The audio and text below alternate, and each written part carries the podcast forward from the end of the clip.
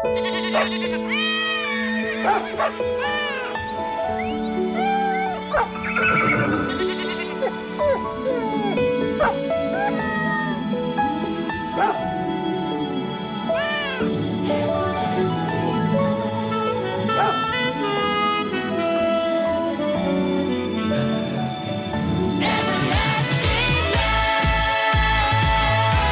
Som alla vet så är det ju helt underbart att ha hund. Och alla vet också att det ofta dyker upp en massa frågor. Och det brukar vi ju prata om här i podden, min podd, hundcoachen Fredrik Sten. Men idag så har jag en gäst eh, som ni som har lyssnat på podden förut känner igen. Och idag ska vi också ta upp olika frågor om hundar, men kanske lite mer generellt. Du lyssnar på hundcoachen Fredrik Sten och det här är en hundpodd med mig, Fredrik Sten. Patrik Cederlöf, välkommen hit. Tack. Hur vill du bli presenterad? Som hundexpert?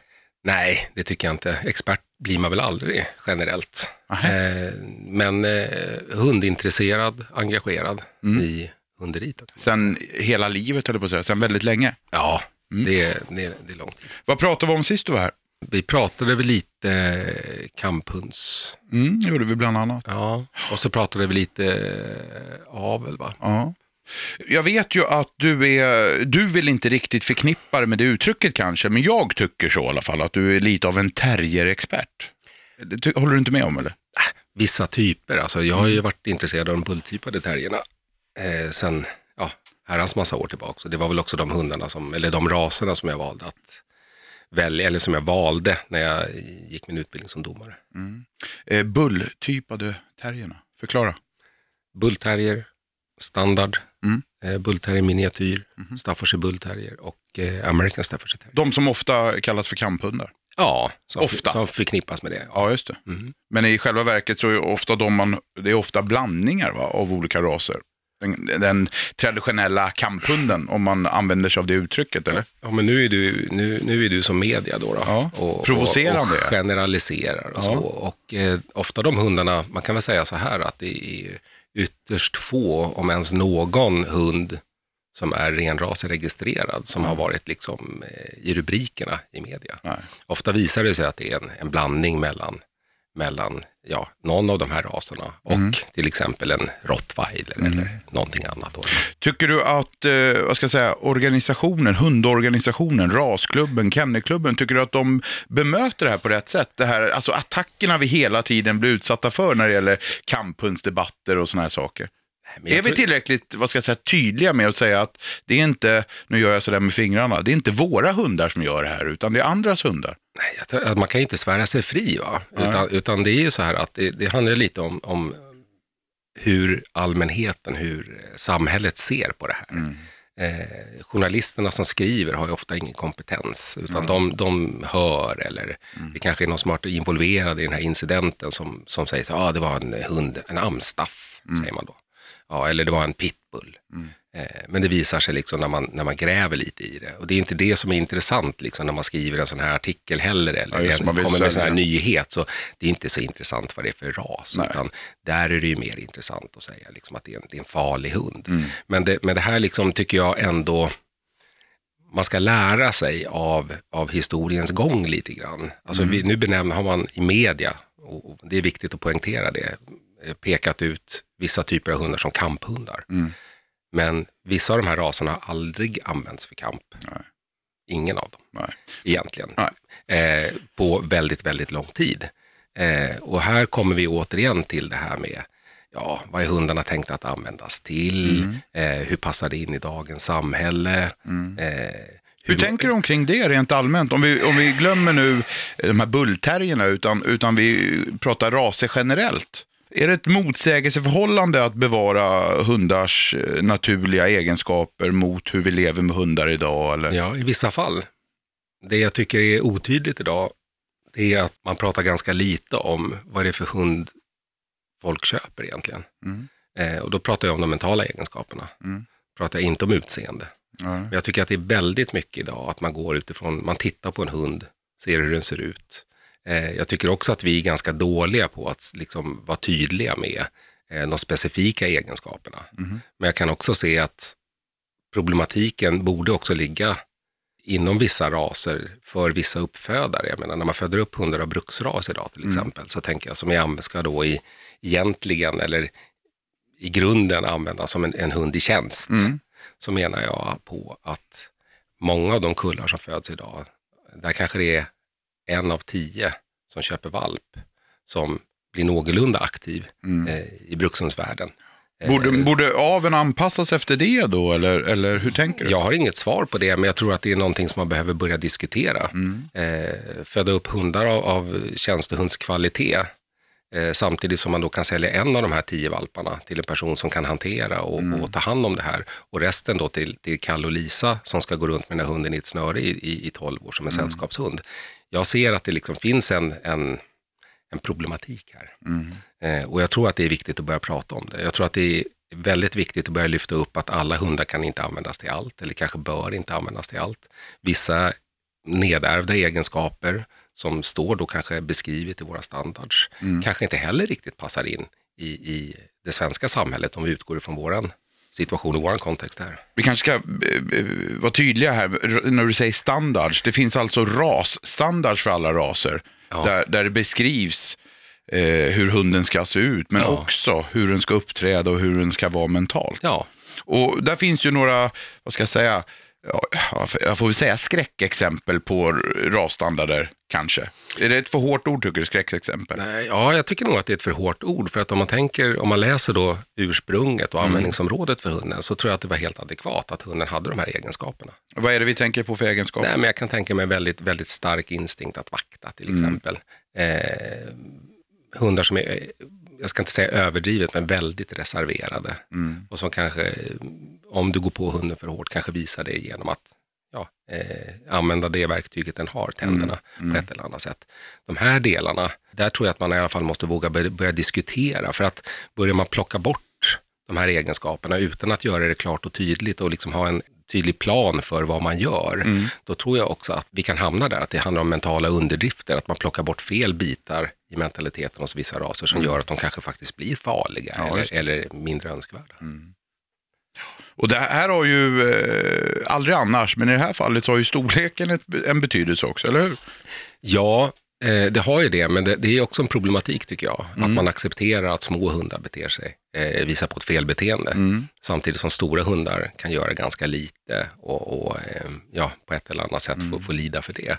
Men, det, det är väl i sakens natur kan man säga. Jag menar, en chihuahua som är hyperaggressiv, om vi säger så, kan ju knappast eh, ta livet av mig. Medan en hund på 60, 70, kanske 80 kilo skulle ju faktiskt kunna göra det. Så det ligger ju i sakens natur på något sätt. Jo, det gör ju det, fast där får man väl ställa sig över också, liksom ha ett, ett vidare perspektiv och liksom tänka så här att hundar är hundar oavsett storlek. Eh, och ett felbeteende, jag menar, får den väga 3 kilo eller får den väga 12 kilo eller får den väga 15 kilo och fortfarande visa det här beteendet. Eh, är det vikten, storleken som ska avgöra? För att jag tänker också att ofta när man pratar om det här med problemhundar och sådär så, så pratar man ofta och då utgår man ifrån att det är hundar som bits eller visar aggressivitet. Men jag kan ju gå till mig själv och se på de hundarna jag har fött upp. Eh, om vi tittar på American Staffordshire Terrier, så menar jag en fullvuxen hanhund det är ja, drygt 30 kilo rena muskler. En sån hund är många gånger, eller blir många gånger, på gränsen över social. Glad, framåt, aktiv. Och bara den glädjen och den sociala eh, kontakten som den hunden vill ha, om den riktar det mot ett barn till exempel på tre fyra år, så skulle det mycket väl kunna vara så att den av ren glädje hoppar på det här barnet, så att barnet far i backen, slår i huvudet och det händer en, en allvar, allvarlig olycka. Och det är det här, de här bitarna man också måste plocka med lite grann. Och det handlar ju då om ägaren tillsammans med sin hund. Hur har man uppfostrat hunden? Hur hanterar man hunden? Men också lite grann att man ska vara, liksom, vara väldigt medveten om vad hunden har för specifika egenskaper när man skaffar den. Och det är lite så här kit car idag kan jag tycka. Att man köper en, man köper en Lamborghini men motorn är en, från en Volvo i. Va? Man har råd att köpa den, man kan köpa den, man tycker att det ser väldigt fint och, och ibland häftigt ut. Så. Men man, man har liksom inte riktigt satt sig in i vad det handlar om. Eh, och jag tror att det kanske är dags att börja prata mer generellt om vilket krav som både lagstiftning och samhället ställer på, på hundar idag. Eh, för att vissa egenskaper är så djupt rotade och är, av, man har avlat i den riktningen i så herrans massa år. Så att jag tror att vissa hundar, där måste man nog också våga börja diskutera om, om dess om det är vettigt att vi har den här typen av hundar. Mm. Har det någonting att göra med hur vi ser idag på vår syn på uppfostran av våra hundar? Det, det, det är möjligt. Jag tror att det stora problemet ibland är att, att liksom, man ser inte skogen för alla träd. Va? Mm. Det får du nog utveckla. Nej, men lite grann att när man håller jobbar med hundar eller håller på med hundar Mm. så har man en, en eh, som den här rasstandarden vi pratade om tidigare, Mm. den är på ett eh, mer eller mindre helig så att säga. Ja, Man vill förvalta. Det handlar lite om nostalgi, det handlar om historia, det handlar om hur man själv liksom anser att den här, just den här typen av hund ska se ut. Mm. Och ofta så kan man hantera den typen av hund som man är, är intresserad utav. Man kanske Mm. föder upp eller man kanske tävlar eller man kanske dömer på olika, olika arenor. Så. Men det man måste komma ihåg att största delen av tiden av hundens liv Mm. så kommer den leva utanför tävlingsbanan. Mm. Och den kommer träffa människor som inte har en aning om hund. Hur man ska bete sig mot en specifik ras som visar sig reserverad eller som är överaktiv. Mm. Utan den ska ju träffa dagisklasser, om vi inte bor långt ut på landet där det kanske är väldigt tomt och sådär. Men många hundar bor i storstadsområden eller i förorter där det, där det bor mycket folk. Folk som kanske är rädda för hund. Mm. Och det spelar ingen roll hur mycket du skriker och säger så här, den är snäll. Ja, just det. Nej, den hoppar för att den är glad. Och här tror jag att vi, för att liksom få en acceptans och få en överlevnad här, dels för både tävlings och utställningsverksamheten, eh, men också att man får ett, att det blir positivt med hundar. Mm. Där tror jag också att man måste börja, börja våga vara eh, tydlig med, eh, både mot vi oss som äger hundar och som föder upp hundar, men också ut mot allmänheten och liksom paketera informationen på ett sätt så att de kan ta till sig. Mm. För att man kan inte prata hund, alltså som du nämnde, hundexpertsspråk eller eh, använda sig av vissa ord, för det förstår inte folk. Nej. Uppfostran, är, är det viktigt tycker du? Jätteviktigt. Tycker du att det är ett negativt ord? Alltså när man säger att du måste uppfostra din hund. Jag kan, skulle kunna tänka mig att säga hantera, Mhm. eh, kanske också. Mm. Men kanske också säga hur du ska vara med din hund. Mm. Och att jag själv kan se att det är väldigt specifikt utifrån ras och egenskaper. Jag tänkte vi skulle komma in på det lite senare, men vi kan ta det redan nu. Man pratar ju ibland, ska jag säga, om hundar som bits. Mm. Och så säger man ju väldigt förenklat, vilket vi alla kan skriva under på, men det är ju inte riktigt så enkelt. Men man kan ju utgå ifrån ståndpunkten en hund får aldrig bitas. Det är ju enkelt att säga det och det är ju svårt att säga emot det när man pratar lite generellt sådär. Ja. Men vi tar exemplet då, eh, min lilla vovve, så ska jag eh, bedriva pälsvård på den hunden exempelvis. Mm. Och varje gång jag drar borsten eller kardan genom pälsen så biter min hund mig. Mm. Alltså, jag tänker bara generellt sådär, jag får väldigt många sådana frågor. Hur, Mm. hur tycker du en sån sak ska hanteras? Får jag vara så eh, fräck och eh, Ja, ställa en sån svår fråga? Ja, jag, jag skulle inte acceptera att min hund bet mig om jag drog en karda eller kam genom pälsen. Däremot kanske jag skulle ta mig en funderare på om, jag skulle, om det finns något sätt som gör att, eh, att de här toverna som förmodligen är det som gör jävligt ont. Mm. eh, Man får svära lite. Ja, li- lite.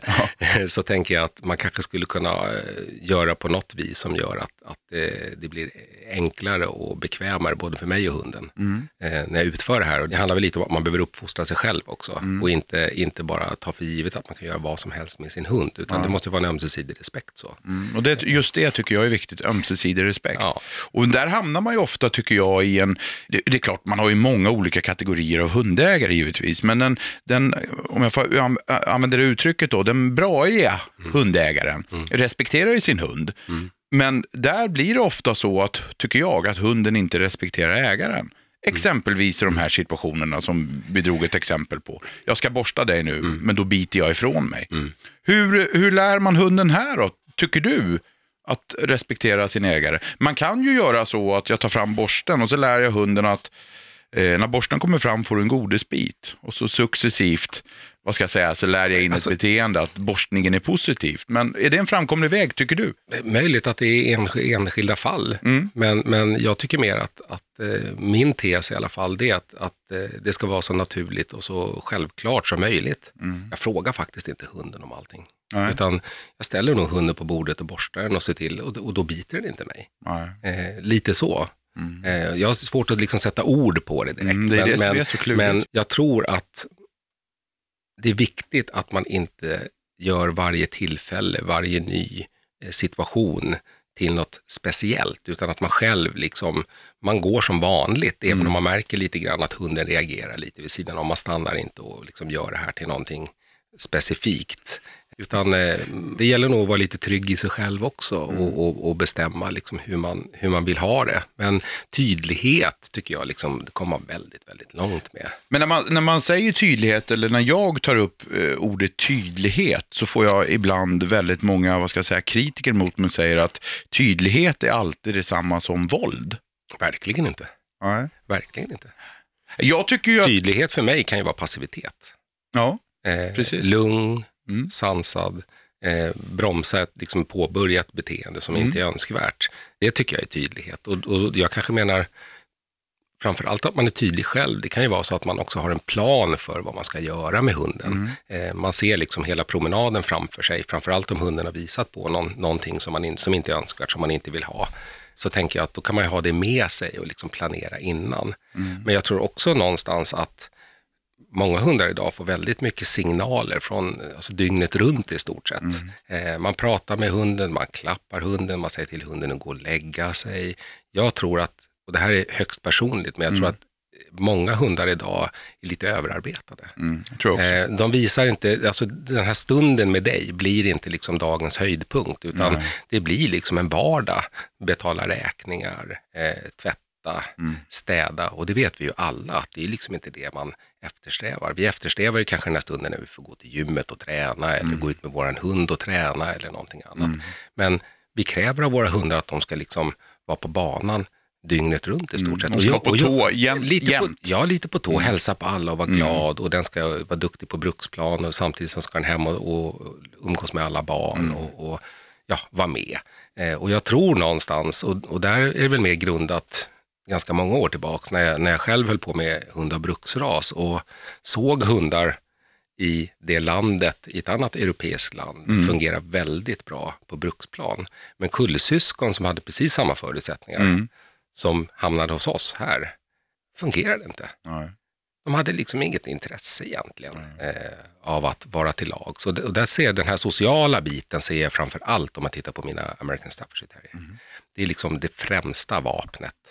Det är socialt. Att hunden får vara med.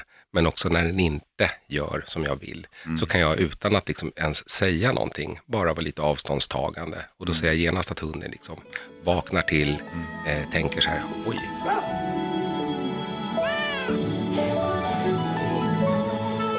Innan vi gick in i studion här så la jag ut på Instagram om det var några som hade några frågor till oss. Och det är det. Ja. Men jag tänkte jag skulle klämma en här nu då. Jag och min väninna har varsin hund och vi vill börja gå ut och gå, men de, hundarna gillar inte varann. Hur ska man göra för att på bästa sätt lösa det här? Grundläggande är ju lite grann tycker jag också så här, ha, är det två hanhundar som visar på han, aggressivitet mot andra hanhundar eller två tikar som, som har samma problematik eller är det bara två hundar som är ovana Du, det framgår inte av... Nej, men vi, eh, nej, men då, då, vi tar det enkelt då. Jag tycker så här, jag brukar se det så här att börja gå en bit ifrån varandra, Mm. eh, kom lite närmare varandra, kom ännu lite närmare med varandra, Mm. eh, så brukar det liksom lösa upp sig. Men inte hundarna i sträckt koppel, eh, hårt åtdraget halsband, utan liksom låt dem gå. Eh, Rörelse är viktigt. Rörelse Mm. är jätteviktigt för att slappna av, prata med varandra, koncentrera inte så mycket på hundarna, se till att hålla avståndet så att det inte händer en olycka. Men där tror jag man ska börja eh, och sen vara noga med att liksom inte börja med att eh, efter den här promenaden som har fungerat bra, gå in i köket, släppa lös hundarna och tro Och att ställa ner lite mat. Ja, ställa ner mat eller ge, någon, ge dem varsitt ben eller sådär. Utan man gör så här några gånger och så ser man att det mjukas upp. Det kan ju vara så att de här hundarna faktiskt aldrig kommer ligga i samma soffa. Eh, Men kan acceptera men- varandra på promenaden. På promenad, absolut. Mm. Och där tycker jag att man kan börja med att låta, man får se hur hundarna beter sig själva. Mm. Sen kanske man kan gå in och säga ett eller annat också och, och lägga sig i liksom deras Mm. konversation lite grann. Men men ofta så brukar det där fungera, att man ser att hundarna förstår också att ni har acceptans för varandra. Mm. Eh, då tror jag att det där det löser sig på, ett- på ett vettigt sätt. Men man kan inte ställa överdrivna krav heller på att alla hundar ska älska varandra. Nej, men kanske ut och gå tillsammans. Det ska man kunna göra. Och där brukar jag göra så också, jag vill bara höra vad du säger om det. Men den som är, ofta är det ju så att den ena är lite jävligare än den andra. Och då när man har eh, lärt känna varandra lite mera så brukar jag göra så att den som är den snällare utav dem brukar jag släppa lös då. Och så har jag den som är jobbig eller dum i koppel fortfarande. Och så man börjar, det blir nästa steg så att säga. Innan man kan släppa dem båda två. Jag, jag har aldrig gjort så, men, men det låter väl så rimligt när man har kommit en bit på vägen. Men du kanske alltid har snälla hundar? Nej, det tycker jag nog inte att jag har, men däremot så tycker jag att jag har en ras som ställer ganska höga krav på mig, att det får inte hända en olycka. Har, har du haft någon riktig skithund någon gång? Förlåt Ja, uttrycket, Nej, men en hund ja, som har inte är bra helt ja, ja, enkelt. absolut. Och det är, väl också, det är väl också en jätteintressant diskussionsfråga. Mm. Det roliga är ju så här att med människor så kan vi ofta peka och säga att det där är en idiot, eller Mm. han är dum, eller han är sjuk, eller han har eh, besvär på ett eller annat sätt. Mm. Men med hundar så är det intressant att där har man, allt, har, har man nästan alltid att det finns en ursäkt. Liksom. Mm. Ah, han, är, han blivit påhoppad av en stor svart hund när han var nio veckor och det har suttit kvar sedan dess. Eller Mm. Tror du han, på han sånt? blev skrämd av barn. I ärlighetens namn, nej, det tror jag inte på. Nej. Jag tror däremot att det finns hundar som är mer eller mindre bra. Ja, det är ofta man får höra det där faktiskt. Min hund är jättebesvärlig vid hundmöten. Och det tror jag jag beror på, precis som du själv sa. För ett år sedan så blev den påhoppad av en stor svart hund. Ofta är det det man pratar, säger. Och jag har också svårt att, förstå den kopplingen. Liksom. Eh, Jag menar, mina hundar har ju också råkat illa ut ibland och det har väl aldrig blivit något problem för det. Sen finns det väl det, händer det samma sak flera gånger så kan det bli situationsbundet. Mm. Och det är, det är ungefär som när, när folk säger att de har problem varje gång det kommer hem någon och hälsar på. Ja. Och hunden springer fram till dörren och hoppar och river och skäller och låter. Ja, Och så säger jag, varför låter du den springa fram till dörren? Säger jag. ja, Eh, sätt den någon annanstans och liksom bryt det här mönstret. ja. Ja, just det, det kan man göra. Varje gång vi går ut, så, så, så fort jag sätter på kopplet i hallen, så börjar hunden hoppa och bita mig i kläderna. Mm. Jaha, sätt på kopplet i köket då. Mm. Och gå, Precis. och, och gå rakt ut. Alltså, det finns enkla metoder och medel och sådär. Men sen tror jag också att folk ibland glömmer bort det här. Att man kan ju, det är klart att man kan man pratar med sin hund, Mm. men man ska ju komma ihåg att den kanske inte riktigt läser in och förstår alla, alla, Nej. alla liksom Nej. små delar i det du säger till honom Nej. eller henne. Utan det är mycket kroppsspråk. Jag tror mycket på det här med, eh, om jag kan säga, jag vet inte om man förstår det, men nonchalans. Att Mm. man liksom ser förbi, ser igenom, ser över Man bjuder inte på att svara på Man de där bjuder dumheterna. inte på att svara överhuvudtaget, utan man går därifrån och Mm. visar sitt missnöje. Liksom. Det förstår hunden många gånger tycker jag.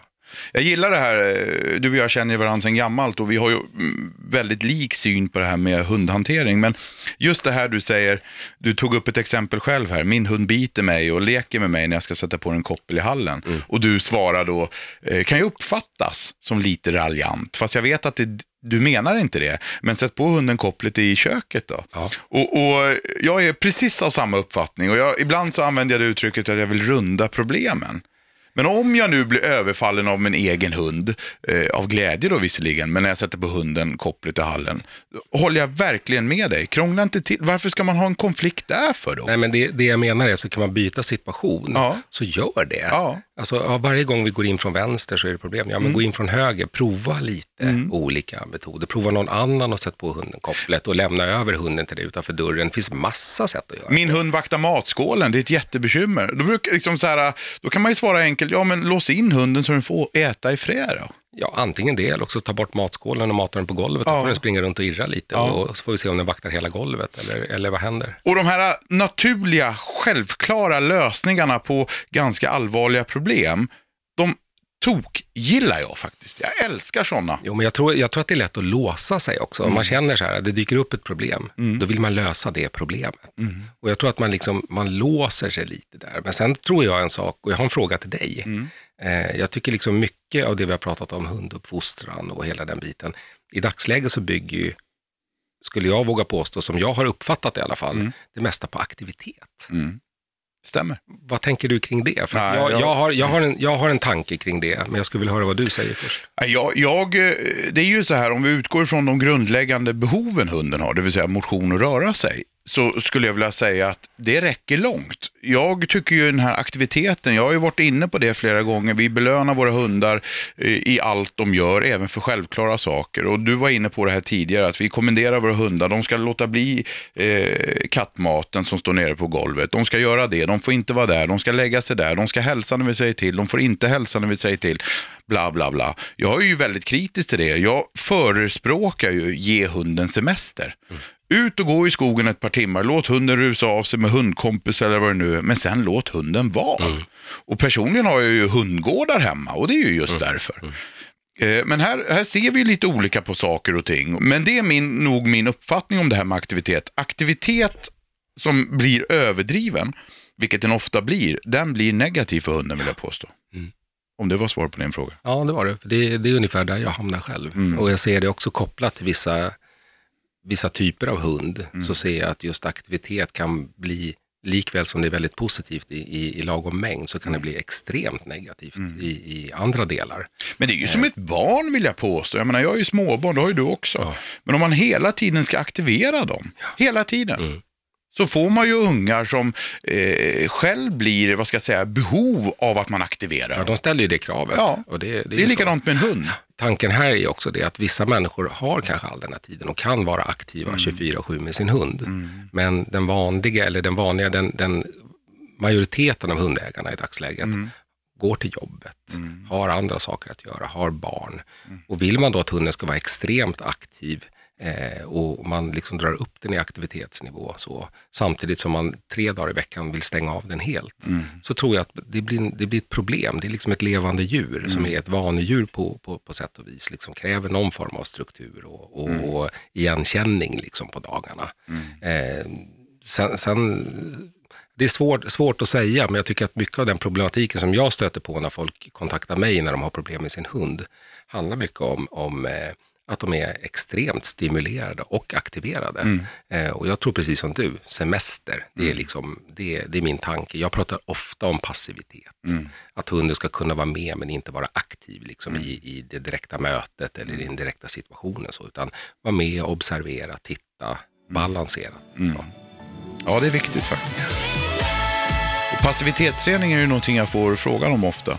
Och den är ju lite sådär svårt att beskriva, för en, en bra passivitetsträning är ju svårt att eh, belöna konkret. Alltså en, en hund som är med på kaféet eller vore med här nu i studion när vi spelar in poddavsnittet. Mm. Som bara ligger här och relaxar och iakttar oss. Ja. Ligger och sover och lyssnar på vad vi säger. Och, mm. eh, den är ju svår att belöna. Varför det? Ja, hur ska du belöna? Nej, varför, varför kan du inte ge den hunden som ligger där en godis när den ligger ner? Ja. Likväl som när den springer runt. Mm. Alltså det måste väl vara en belöning som hunden förstår? Ja, liksom... om, belöningen, om belöningen inte handlar om, nu är vi tillbaka där, aktivitet. Nej, det handlar inte om aktivitet. Nej. Utan belöna när hunden inte gör något, ja. tänker jag. Mm. Aktiv... För... Visserligen svårt att belöna ett icke-beteende då. Ja, fast det är väl ett beteende i sig. Är det? Så om du sover då, får vi en diskussion här ja. också. Om du sover då så kan jag säga, bra Patrik, så sover du bättre sen. Ja, kanske. Mm.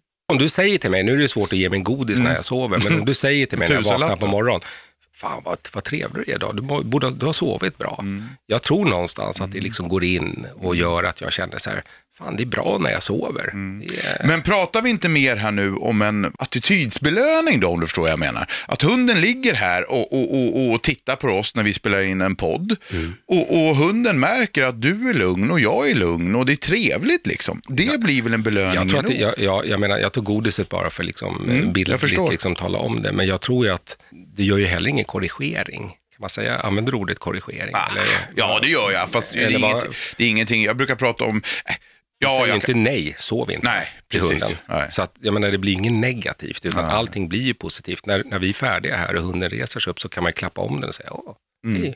Exakt. Bra. Men jag, dit jag ville komma lite grann då innan, innan jag högg på någonting här, det var ju det att mycket av passivitetsträningen är just i vardagen.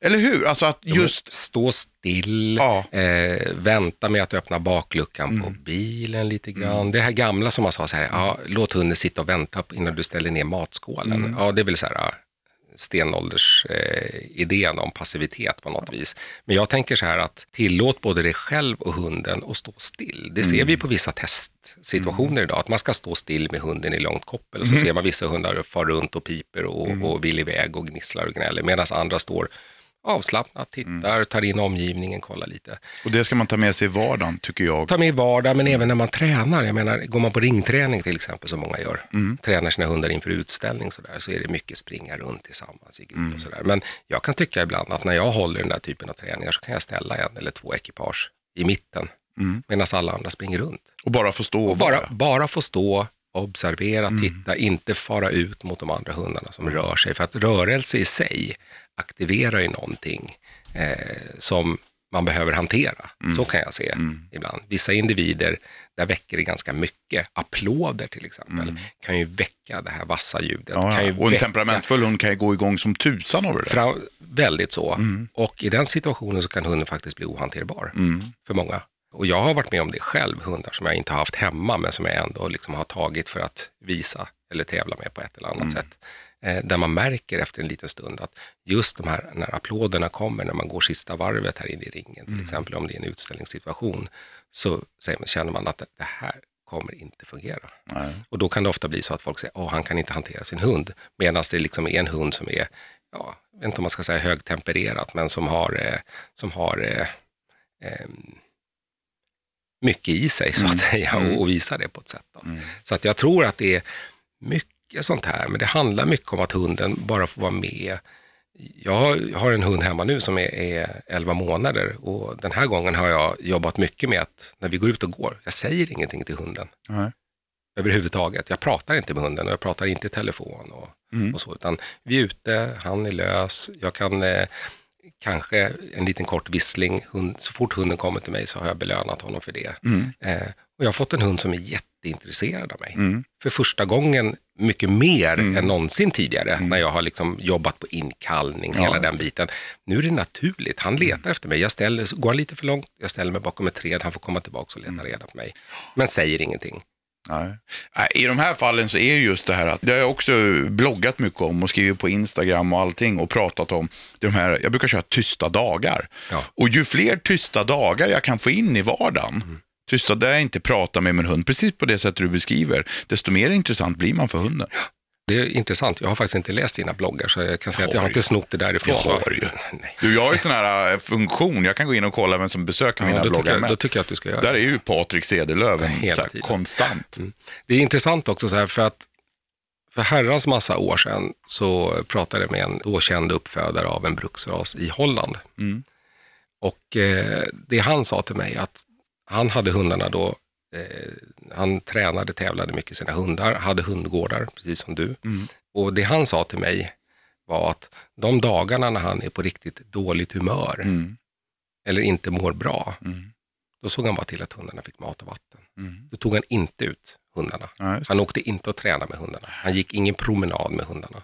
Då lät han bara hundarna. Då lät han hundarna vara. För han sa, det är så otroligt enkelt. Och här kommer vi återigen in på det här med våra barn. Måste vi hantera på ett specifikt sätt. Och de flesta av oss eh, gör ju det på ett bra sätt, även de dåliga dagarna. Mm. Vi kanske är lite kantigare, lite mer eh, tydliga, Mm. eh, kanske lite mindre tålamod. Men problemet är ju många gånger med en hund att där så tar man ut liksom sin frustration eller ilska eller att man är ledsen eller liknande. Och det tror jag också kan ställa till väldigt mycket. Så Mm.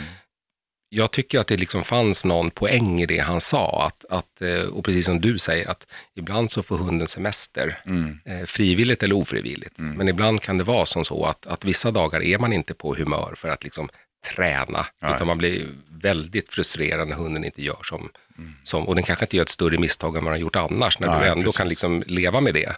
Men det blir en överreaktion från din sida. Mm. Och här tror jag att här kan inte hunden välja. Hunden vill ju vara med dig, Mm. hunden vill ju följa med och så. Utan här måste ju du som ägare liksom ta, ta Mm. och, och bestämma och tänka så här, nej, den här dagen, det är en riktig skitdag. Det är Mm. mycket som har hänt. Ja, ja, det kan ju vara vad som helst. Eh, vi tar semester. Får jag återgå till det här med inkallning som vi pratade om alldeles nu. Du berättade här att du har inte, den här nya hunden du har, så har du inte tränat specifikt inkallning. Inte Ändå, än, så, ändå, ändå så har du en bra inkallning. Ja. Och det här vill jag relatera till också. Jag har ju en ung schäferhane hemma som heter Leif. Mm. Han är inte så mycket valp längre, han är snart 12 månader. Men det jag ville komma var att han har bara, det är lite av ett försök då jag har gjort, eller ett litet experiment. Honom har inte jag lärt någonting. Nej, men det är som... Han, han är 12 månader, jag, han kan inte sitta på kommando, han kan inte ligga på kommando. Jag har aldrig tränat inkallning. Jag tror knappt han vet vad han heter faktiskt. Jag brukar kalla han kompis eller Leffe eller Vovven eller eh, någonting i den stilen. Och eh, för en vecka sedan var vi ute och gick i skogen och vi fick ett hundmöte då, eh, på långt avstånd. Och ren sådär reflex så ropade jag på honom, kom hit. Och han tvärvände och kom direkt. Mm. Och det här tycker jag är så otroligt intressant det här. Hur kommer det sig att när man ha- hanterar hundarna på det här sättet egentligen inte lärt dem någonting? Mm. Hur det kommer sig att de är så lyhörda? Alltså, kan du förklara det på något sätt? Eller? Ja, jag tror det. Jag tror att liksom det du säger där vid det tillfället, det försvinner liksom inte i den stora mängden av kommandon, signaler, kontakttagande med hunden. Eh, och det här kan jag också relatera till. Jag, genom åren, i och med att jag började då med, med en ras som inte, det fanns inte så många här i Sverige, det fanns väl inga egentligen, eh, fick importera hundar. Ja. Så blev det ofta så. Vad var det för oss? Eh, American Staffordshire Terrier. Okej. Mm. Eh, jag har ju haft en hel del importer genom åren och många av de hundarna har ju vuxit upp i hundgård. Mm. Inte bott inne, inte haft med andra djur att göra, inte egentligen haft med andra hundar att göra mer än liksom i, i kennelverksamheten där Mm. de kommer ifrån. Mm. Och de hundarna har ju varit alltså, underbara Mm. när jag får hem dem vid Mm. två, tre, ibland fyra års ålder kanske. Mm. Och är precis så här lyhörda. Min senaste här nu, han blev ju 14 år.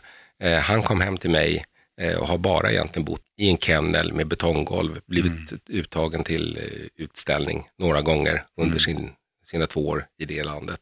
Kommer hem till mig, fungerar efter en dag egentligen Mm. med katt, med höns, med andra hundar, med människor. Alltså en underbar hund, men som hela tiden frågar, Mm.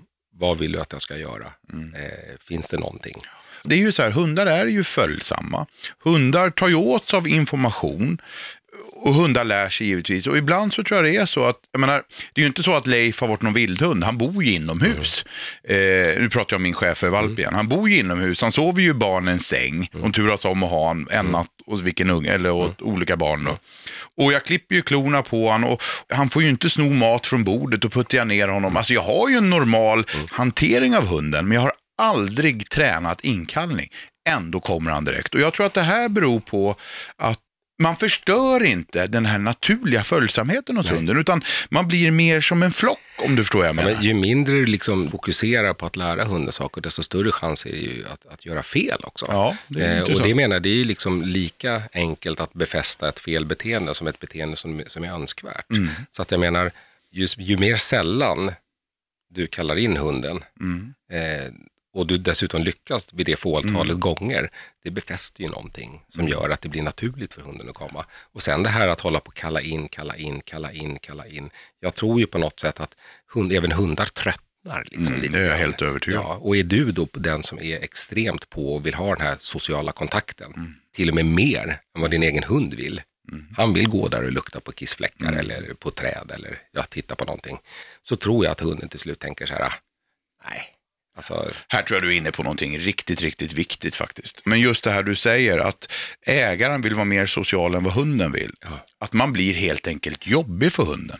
man blir skitjobbig för hunden Mm. och, och det är också de här kraven som jag tycker man ställer idag, att hunden liksom, det kommer fram folk och det kommer fram barn och så, här, den ska få hälsa på alla Mm. och, och, och hux flux en vacker dag så visar hunden sitt missnöje. Mm. Ruff. Mm. Och så tänker oj, det har aldrig hänt förut. Och så blir det en oro, Mm. kommer det hända igen och så. Mm. Eh, Jag tror ju att ansvaret man har också, det är ju liksom att, att begränsa lite grann. Liksom, vad ska hunden stå ut med? Vad ska, Mm. den, vad ska den tillåta? Och där många gånger kan man ju se också när det är hundar av vissa typer. Man, en amstaff till exempel, en, eller en American Staffordshire terrier, den vill man ju ska visa en god sida. Man vill Mm. att det ska vara en bra representant för rasen, en, en, en eh, ambassadör för rasen. Mm. Eh, Det är det, liksom det man är ute efter. Mm. Eh, men det kan också bli Att det går till överdrift. jag kan tycka nog att det går lite till överdrift. Mm. Det är en hund, det är, ett, det är ett djur. Jag tycker att det är liksom viktigt, precis som man många gånger säger, så här, att låt valpen sova i fred. Väck Mm. inte valpen när den gått och lagt sig. Jag tycker det är någonting man kan tänka på hela livet Mm. och inte bara i den situationen att hunden ska sova. Men ibland så tänker jag så här att ställ inte kravet på hunden att den ska vara så jäkla social och Nej. trevlig i alla tillfällen. Jag har en fråga till här på Instagram som vi kan ta. Eller rättare sagt, jag ska prata lite mer om inkallning bara innan vi tar den frågan. Gör det. För jag vill hoppa tillbaka till inkallning. Det här med att jag berättade att jag inte tränar inkallning, det var du som började berätta det, men som jag berättade med Leif här. Det jag vill understryka här bara, det jag har tränat, det jag liksom, eller inte tränat, men det jag har förstärkt, det är ju varje gång Leif tar kontakt med mig. Mm. Eh, och det får man ju inte glömma i det här, utan när vi är ute i skogen och springer eller i bostaden eller vad det nu kan vara för någonting. När Leif tar kontakt med mig, då uppmuntrar jag ju det. Men det är precis det jag säger, att det är det jag gjort med min. Ja. Jag har lite hundmatskulor Mm. i fickan. Eh, så fort han kommer tillbaka till mig så får han bara en kula. Jag säger Ja, ingenting. Jag nej. ger honom en kula, han sticker. Mm. Nu har jag börjat med att hålla honom kvar en liten, liten stund. Mm. Jag ger honom en kula och sen så säger jag så här, vänta ska du få en till kanske. Det är så jäkla enkelt, Super- istället för att hålla på och tjata på hunden. Ja, och det är, liksom, det är en situation där hunden är liksom mottaglig och öppen Mm. och, och naturligt gör det du vill att den ska göra. Och väljer det själv. Ja, Mm. sen är det bara frågan om det jag kan tänka mig som är många känner är att det här tar, det, det liksom tar lite för lång tid eller jag behöver ha det här tidigare eller att man ställer krav på sig själv. Mm. Man går en valpkurs och redan där börjar man med sitt, ligg Mm. och snurra runt och kom på inkallning och dra inte i kopplet och sådär. Mm. Men jag känner nog så här, den här, min hund drar inte heller i koppel. Nej. Men jag har aldrig, aldrig på något vis liksom talat om honom för det. Det kan ju vara klart att han drar iväg. Alltså en- Mm. Men generellt, det är ingen generellt som släpar. sett går han lugnt och fint Men det hänger ju ihop. och så. Ja, det har blivit naturligt. Ja. Liksom. Vi går i samma takt. Han vill gå bredvid mig. Ni är ett team, ni är ute Ja. och går. Ja. Det finns en följsamhet. Mm. Ja. Du, frågan som vi har fått på Instagram jag tänkte ta upp här, apropå det här att vi tjatar på våra hundar. Mm. Då har jag fått en fråga bland annat då, eh, som är lite, där en person är lite irriterad på sin hund. För den här hunden springer och äter ur eh, kattens bajslåda. Mm. Vad ska jag göra åt det? Jag skulle göra rent kattlådan. Kanske. Det är väl där igen, Kanske. runda problemet ja, lite. va? lite så. Men, men samtidigt så tänker jag så här att det är väl ganska naturligt för en hund att käka kattskit. Ja, fast det är ju liksom. jävligt äckligt. Det är klart att det är äckligt, men då, då får man ju fundera liksom Mm. på, ska jag ha kattlådan på ett ställe där, det, där, det- där jag har en grind istället för att hålla på och bråka med hunden hela tiden? För att det är svårt att ha koll på när katten bajsar. Det, liksom, det kommer ju den göra. Det är det här jag älskar med dig Patrik, för jag är helt med dig. Jag måste säga så här, och nu vill jag inte vara raljant mot den som har ställt frågan, det är inte Absolut det, inte. jag vill bara vara tydlig liksom. Mm. Men det är precis det här jag menar. Istället för att tjata på hunden och lära hunden, lägga ner onödig tid på hunden, eh, förlora en bra relation med hunden om att lära hunden, du får inte röra kattens mat eller du får inte röra kattens bajslåda. Ställ undan grejerna. Det är väl klart. Jag kan jämföra det här med när folk säger så här, eh, "Åh, det är hans sko, den får han ha. Ja, Men de andra 30 skorna på skohyllan, På skohyllan. får hunden inte röra. Nej. Och sen kommer man hem någon dag och så säger man, fan han har bitit sönder mina, mitt finaste par gympadojor. Mm.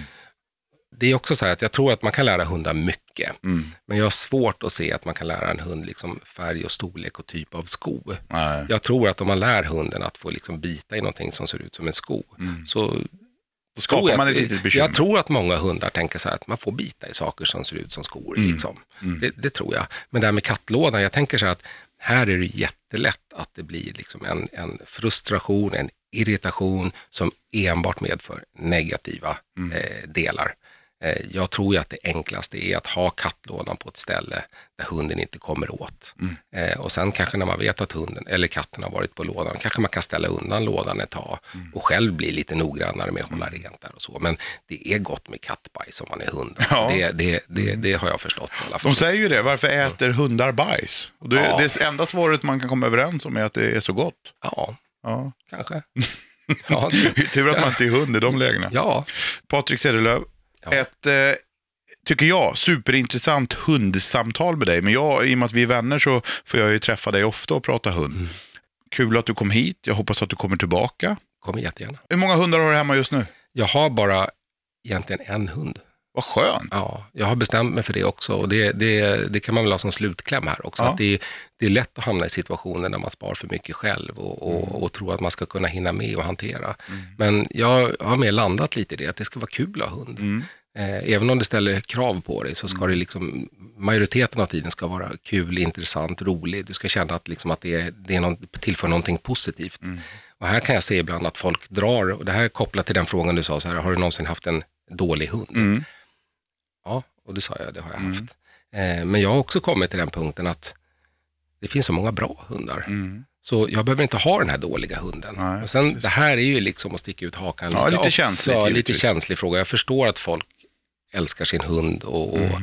Men om man hamnar i den situationen att man har en hund som liksom, kanske man skulle kunna uttrycka det väldigt enkelt och säga inte håller måttet, inte Mm. passar in i situationen i ditt liv. Så, så tror jag att man både för hundens och sitt eget bästa eh, ska agera och göra någonting åt saken. Ja, det går ju att omplacera hundar. För jag menar, en hund som hundar. inte passar hemma hos dig kan ju Ja. passa alldeles utmärkt hos mig. Precis, och där tror inte jag man ska vara för orolig och rädd. Nej. För jag träffar på många som säger så här, ja men har man liksom tagit på sig ansvaret, då, då, liksom, då är det livslångt och då, Mm. då får man hålla ut.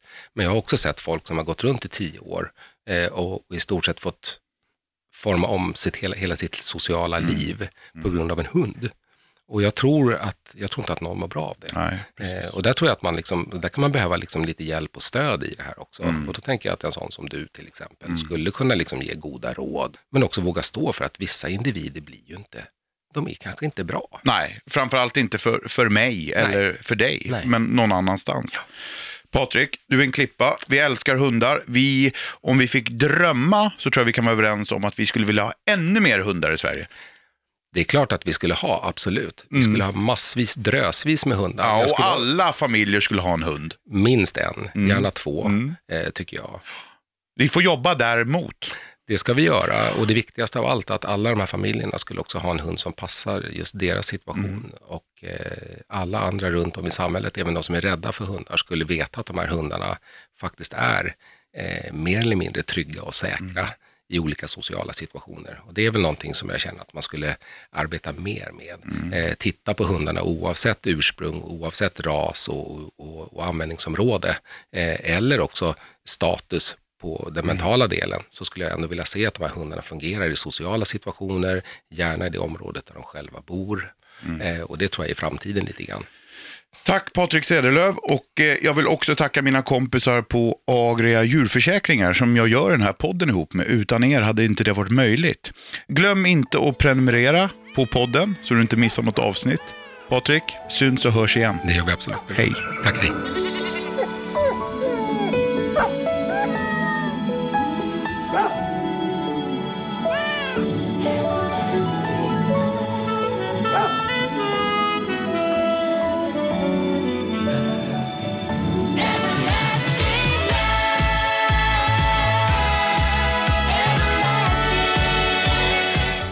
Produceras av I Like Radio. I like.